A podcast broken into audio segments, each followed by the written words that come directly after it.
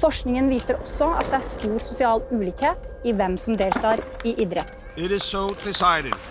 With the UN's official adoption Å jevne ut de sosiale skillene og ikke bygge opp under dem. Idretten er veldig på. Hva er, hva er veien videre? Spennende. Action Now for meg betyr at jeg er med på noe større enn meg sjøl. Å legge til rette for at folk skal kunne ta sunne og gode valg. 2030 agenda is for you. Claim it. Trenger vi kanskje et nytt slagord? Aktivitet vil kanskje være den viktigste pillen som vi kan gi folket. Velkommen til Responsecast. Vi er Mats og Anne? og vi jobber ved Nord universitet.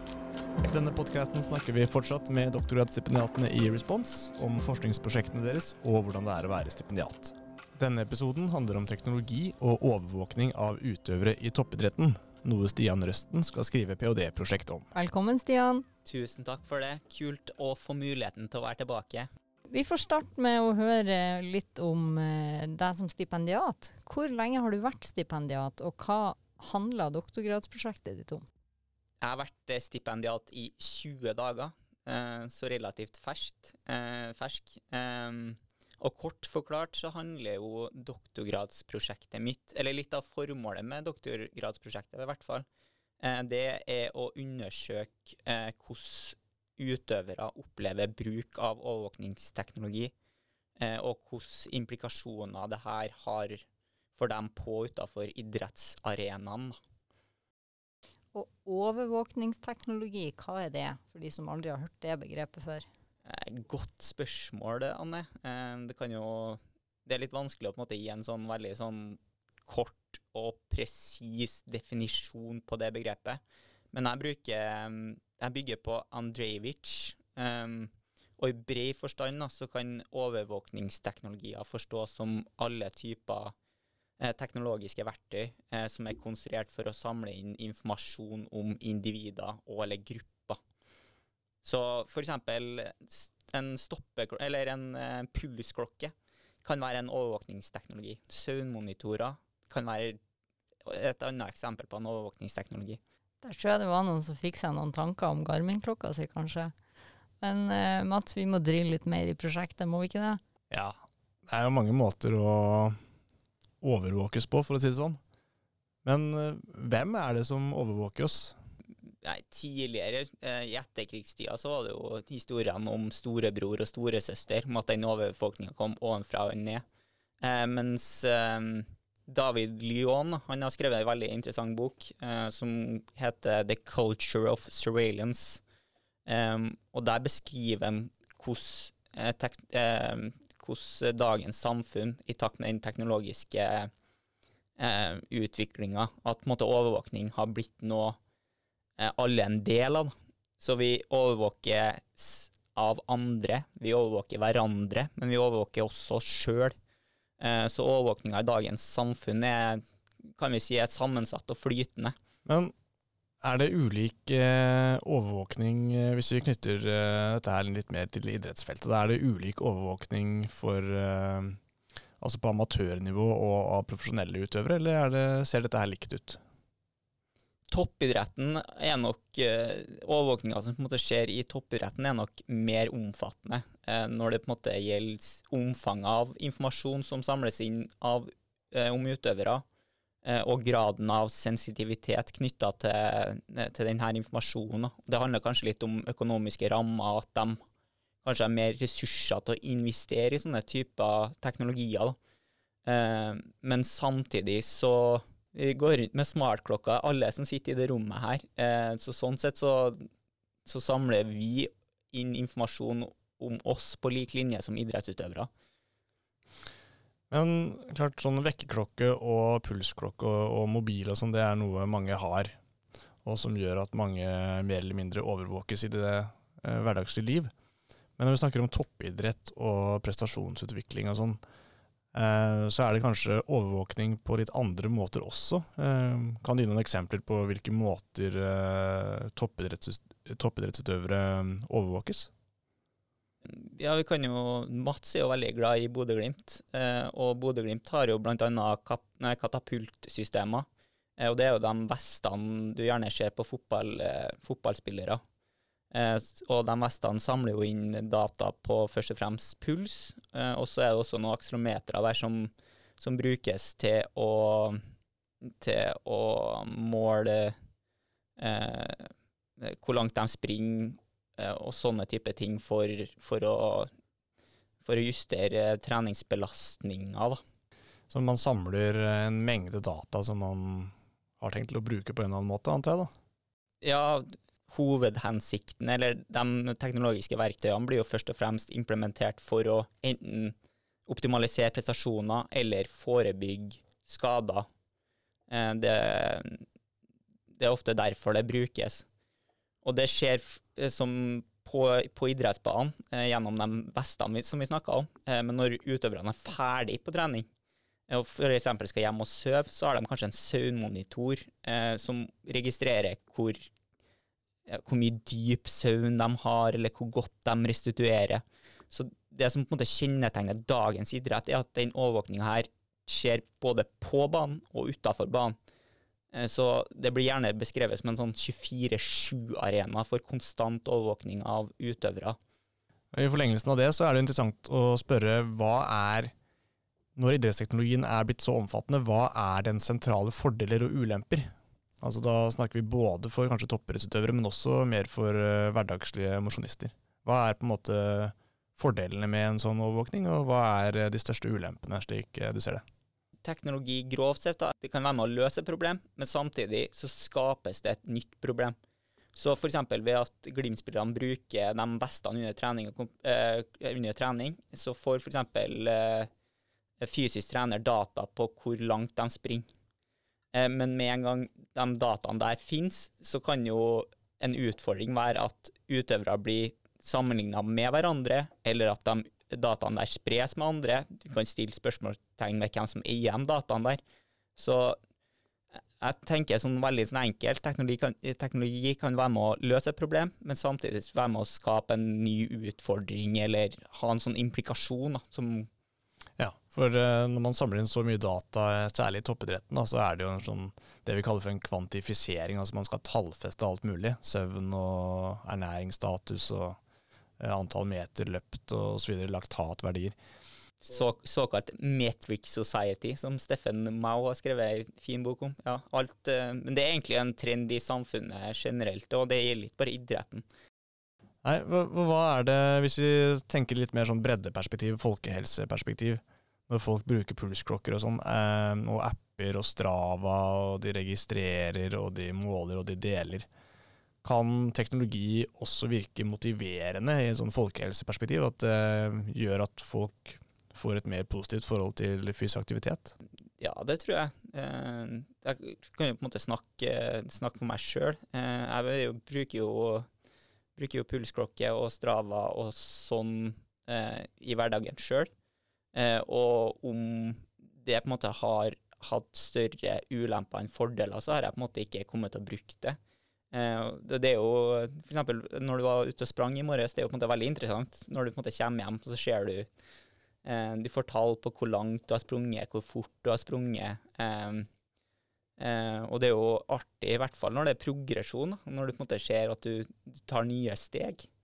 Men samtidig så er det litt sånn skummelt. da. Det, på gårsdagens økt så ble jeg nudga.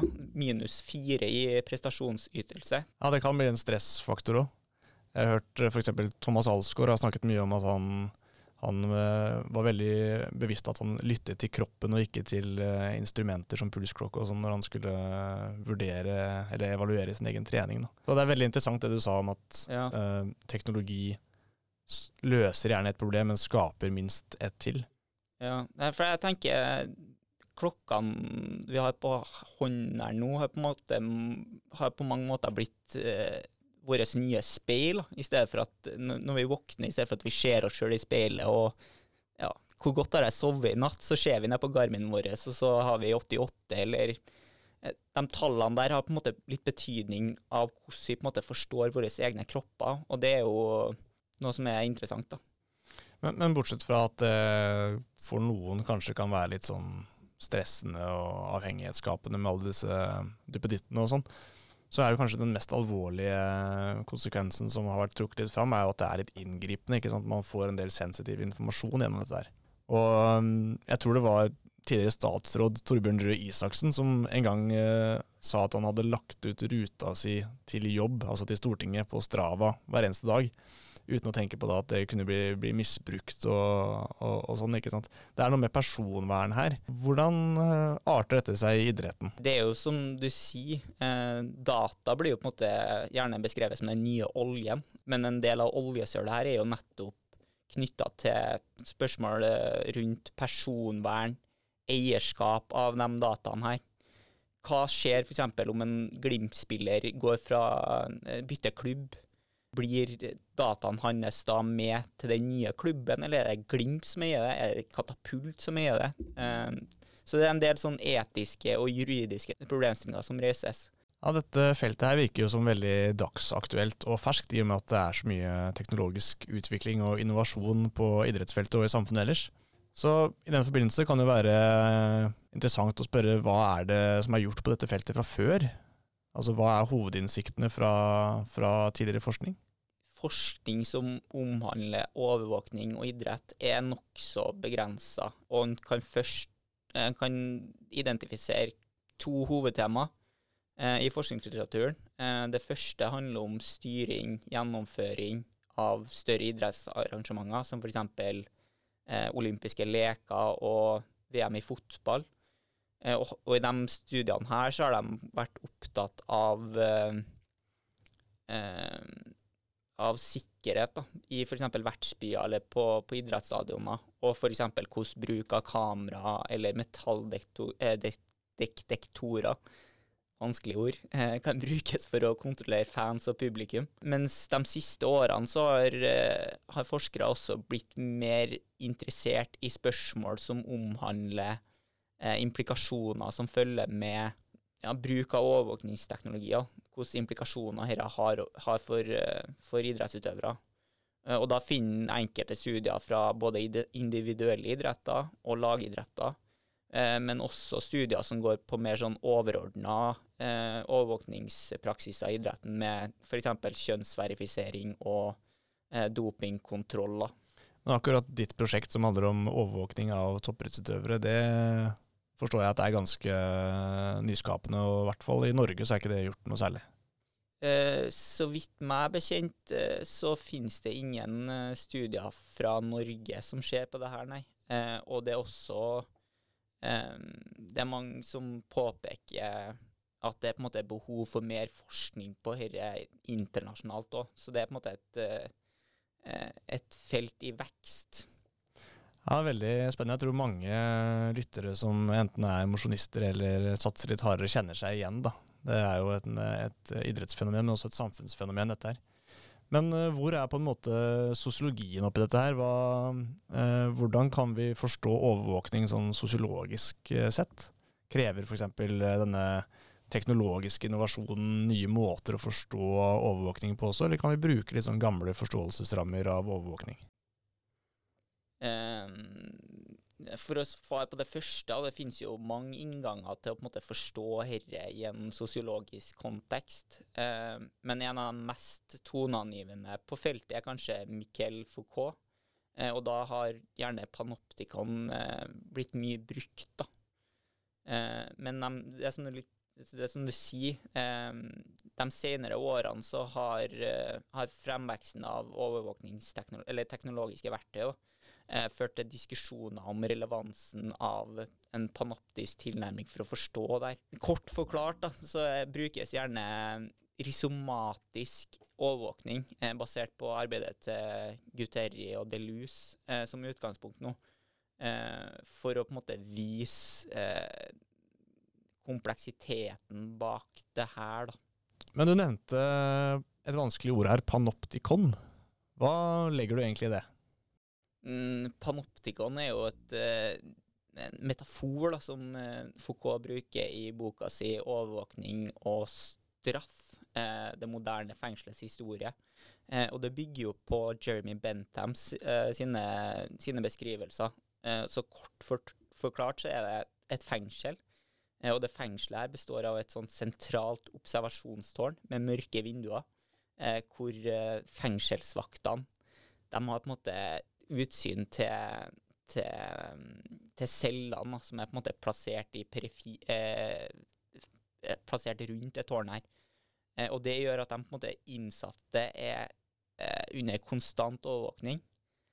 Og så vet de på en måte aldri helt om vakta ser dem eller ikke. Eh, så det fører til at eh, Eller litt av tanken er at eh, litt, den usikkerheten gjennom at vi på en måte aldri helt vet om vi blir overvåka eller ikke, gjør at vi også disiplinerer oss sjøl. Eh, og på veiene eksempel, så har vi jo fotobokser. Eh, og det kan jo ha en sånn litt sånn lignende disiplinerende effekt. da. Mm.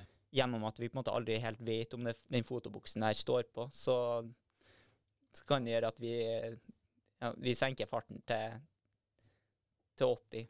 Ja, så, så tanken er at eh, så lenge man ikke vet akkurat når man overvåkes, så må man bare anta at man overvåkes hele tiden og tilpasse atferden deretter. Ja, men samtidig så har jo på en måte den delinga, eller den tilgjengeligheten av informasjon, gjort at vi kanskje ikke eh, kun overvåkes ovenfra og ned, men at vi også på en måte eh, deltar i overvåkinga av oss sjøl og andre. Eh, og da bruker f.eks. Thomas Mathisen syn synoptikon, eh, som er en sånn eh, motsatt tendens, da, der de mange ser dem få. Ok, Så hvis jeg forstår deg rett nå, så er det et slags skifte i forståelsesrammer her, eh, som henger sammen med samfunnsutvikling. At eh, det tidligere var mer en sånn forståelse at eh, få overvåker mange, til i dag at det er mer mange som overvåker få. Eksempel kan det være Strava eller sosiale medier osv. Til at alle overvåker alle. Altså det er så mange måter å overvåke hverandre på hele tiden. Ja, som jeg ser da, så, så kjennetegnes kanskje dagens samfunn av waylens. Eh, for sir betyr jo på en måte ovenfra og ned. Og så har vi zos, som eh, er mer unnenfra og opp. Men så har vi også soy, som betyr innover. Så vi kan nesten snakke om en sør-sos-soy-valence. Det er, kom, det er komplisert, Mats. Men litt av poenget er jo at overvåkning er sammensatt, og at det skjer på ulike plan og ulike nivåer. At det er ja, litt sånn kontekstavhengig. Veldig, veldig spennende. Men uh, du er jo helt fersk stipendiat, Stian, så vi må jo høre litt om eh, ditt inntrykk av eh, det å være stipendiat så langt. da. Hva sier du, Anne? Ja, det er jo en eh, fast del av podkasten her at vi ikke bare snakker om forskninga, men også om eh, stipendiatlivet, da.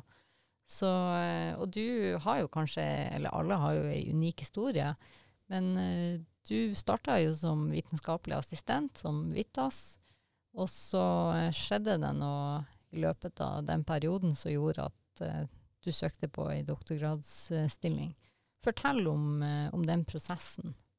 Ja, jeg har vært i Bodø i to år nå, eh, og jobba som vitenskapelig assistent. Eh, og det som førte meg til, til Bodø, var jo nettopp for å finne ut om den drømmen om å gå videre på en ph.d. Var noe jeg virkelig ville, eller om det på en måte bare var en drøm. da. Ehm, så, så jeg brukte to år eh, på, å bestemme meg, før jeg på en måte hoppa uti ut i vannet. Ehm, men jeg er veldig glad for at jeg hadde, hadde de to årene nå. Det har på en måte gitt meg verdifull innsikt i, i livet på innsida av eh, akademia, kan du si. Både når det gjelder forskning, undervisning og administrativt. Eh, men jeg tenker det viktigste av alt er at det kanskje har gitt meg Eller har fått større forståelse av hva det, vil, hva det innebærer å ta en doktorgrad, som du kanskje ikke er klar over når du jobb, eh, skriver på bacheloren din eller masteren din. Eh, fordi prosessen fra f.eks. det å skrive en skisse, det å ta kurs, til å til slutt forhåpentligvis ende opp med prøveforlesning og disputas, den kan jo på en måte virke ja, veldig lang og krevende. Eh, jeg husker jo Mats var jo i innspurten av, av sin avhandling, eller når jeg starta her. Eh, og når du kom på, på kontoret tidlig på morgenen, så så du at det sto noen rester fra en bacalao, og du skjønte at OK, nå har Mats her sittet her eh, ja, det siste døgnet og, og skrevet. Det, det virker jo på en måte litt sånn avskrekkende. Men samtidig så er det noe med den muligheten til å på en måte grave inn noe du, du virkelig brenner for. og eh, Du er på en måte del av et, et større miljø òg, eh, og det å på en måte jobbe langsiktig mot noe, det er på en måte det som i hvert fall gjør det ekstra interessant for meg. da. Ja. Fortell litt om eh, noen av de her aha-opplevelsene du har hatt underveis som stipendiat. Du, du sa at uh, du forstår mye mer hva det vil si å ta en doktorgrad og livet på innsida av akademia. Hva er noen sånne her, eh, Når har det gått opp noen lyspærer for deg? Er det noen ting som du skiller seg ut, så du husker? da? Eh, nei, det første Eller eh, det at du må ta kurs, da, kanskje. Det var noe ikke jeg var klar over. At du må ta minst eh, 30 studiepoeng, er det vel? På doktorgradsnivå? På doktorgradsnivå, ja. Altså det finnes et nivå også utdanningsmessig over mastergrad, det er ikke bare en jobb. Ja, og sånn i ettertid, når du på en måte har skjønt at doktorgrads, eh, en doktorgrad er jo egentlig en forskerutdanning, så det gir på en måte mening. Men jeg, jeg visste f.eks. ikke at du må ta kurs. En annen ting er jo forskjellen på f.eks. en monografi, eller om du skal skrive artikkelbasert avhandling. Um, så det er mange sånne Du må ha oppstartsseminar, du skal ha et eh, midtveisseminar, et sluttseminar, prøveforlesning, disputas. Uh, ja. Masse, masse fremmedord og begreper, og det, det forklarer jo han Johans veldig godt i eh, siste episode av eh, podkasten her, da. Så eh, hvis man er litt sånn gira på det, så vil jeg anbefale å, å høre den. Og du søkte jo eh, stipendiatstilling på ei tematisk eh, utlysning. Jeg tror den utlysninga var vel teknologi og innovasjon i idrett, hvis ikke jeg husker feil. Og eh, da måtte du jo levere ei prosjektskisse. Kan du fortelle om den prosessen, hvordan du jobba med prosjektskisser for å søke?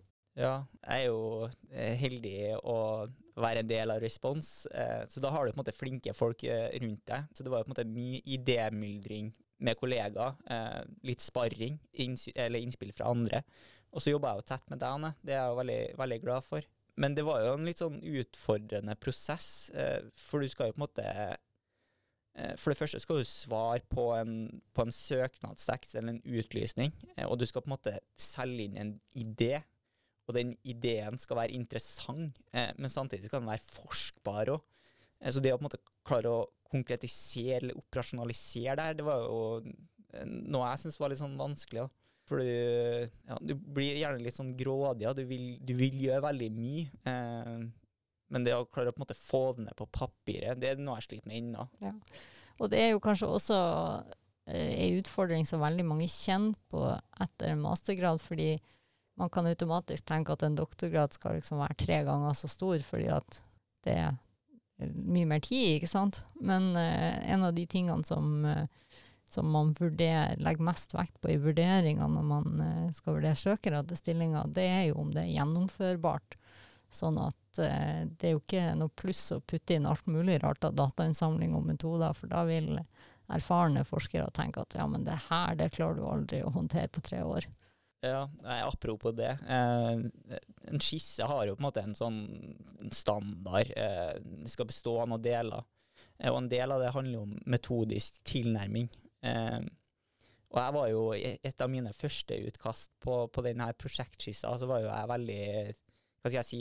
Eh, jeg skulle ha intervju, jeg skulle ha vignettintervju, jeg skulle gjøre feltarbeid, jeg skulle hadde store planer. da. Eh, og når du kom inn på, på veiledning med Anne, da, så så fikk vi på en måte avgrensa litt, litt, mer. For det er jo vanskelig balanse, kanskje, det mellom å være ambisiøs og realistisk. For uh, i motsetning til master, så er det jo en, en ganske sånn krevende konkurransesituasjon her. Og det kan være flere søkere på, på disse stillingene, og man vil jo vise at man har et spennende og viktig prosjekt.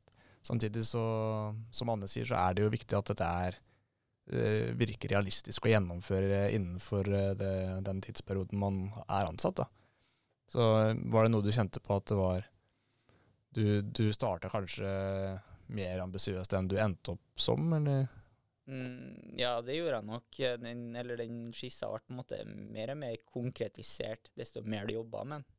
Eh, men samtidig så er jo ikke den skissa ferdig. Eh, fordi sjøl om du på en måte er, for, er, formelt Jeg vet ikke helt hvordan hva de rette begrepene og sånn på dette er, men jeg er vel formelt ansatt som stipendiat nå. eh, men samtidig, for å bli tatt opp da, som doktorgradsstudent, så har du på en måte tre måneder på å videreutvikle den skissa. Eh, så det er jo egentlig det jeg holder på med eh, nå, eh, å gjøre den skissa enda mer forskbar, eller enda mer konkret. Ja, det er jo på mange måter den neste milepælen er jo å bli tatt opp på doktorgradsprogrammet, fordi sånn rent teknisk så er du vel midlertidig ansatt, altså du er jo midlertidig ansatt som stipendiat uansett i tre eller fire år, men du kan jo se de her tre første månedene som en slags sånn prøveperiode, da, fordi at du skal tas opp, og hvis du ikke blir tatt opp, så mister du jobben, for å si det litt sånn hardt. Det er, akkurat det er ikke vanlig, da. Eh, men eh, og man får jo selvfølgelig veiledning og tildelt en, en, midlertidig veileder, men det kan jo oppleves som litt sånn stressende når man er ny stipendiat. Eh, det kan um, men samtidig så er det bare It's a part of the game. Ja, det, det er akkurat sånn som de toppidrettsutøverne du skal studere. Du må eh, tåle noen harde treningsperioder for å komme i mål. Eh, men eh, du er jo også en del av, selvfølgelig av forskningsgruppa Respons. Det er jo eh, derfor du er her på podkasten i dag. Og eh, i og med at du har eh, vært vitne, så har jo du dratt nytte av det her fagmiljøet, også når du har utvikla skissa di og søkt stilling. Hva betyr det for deg å være en del av et sånt forskningsmiljø? For egen del så, så betyr det veldig mye. Eh, ikke bare sosialt, eh, men også faglig. Eh, det å på en måte kunne samarbeide med, med mer etablerte forskere. det å på en måte være en del av et miljø er noe jeg setter stor pris på. Ja, og jeg tenker òg at det er viktig å finne et faglig hjem da, som stipendiat. Det blir spennende å følge deg, Stian, og ikke minst lese arbeidene dine. Men avslutningsvis, hva håper du å oppnå med doktorgradsprosjektet? For det første så håper jeg å kunne være med å videreutvikle det pågående internasjonale idrettssosiologiske feltet som omhandler bruk av overvåkningsteknologier. Men sånn rent praktisk så håper du kanskje å kunne være med og bidra til en bevisstgjøring for f.eks. utøvere, eller blant utøvere, trenere, idrettsorganisasjoner om implikasjonene som følger med eh, den utbredte eh, og intensive innsamlinga av data om utøvere. Altså hvilke implikasjoner hva dette har å si. Både etisk, juridisk, eh, personlig. Takk for praten, Stian Resten, og takk til deg som hørte på. Følg oss der du hører på podcaster, så blir du varslet om neste episode.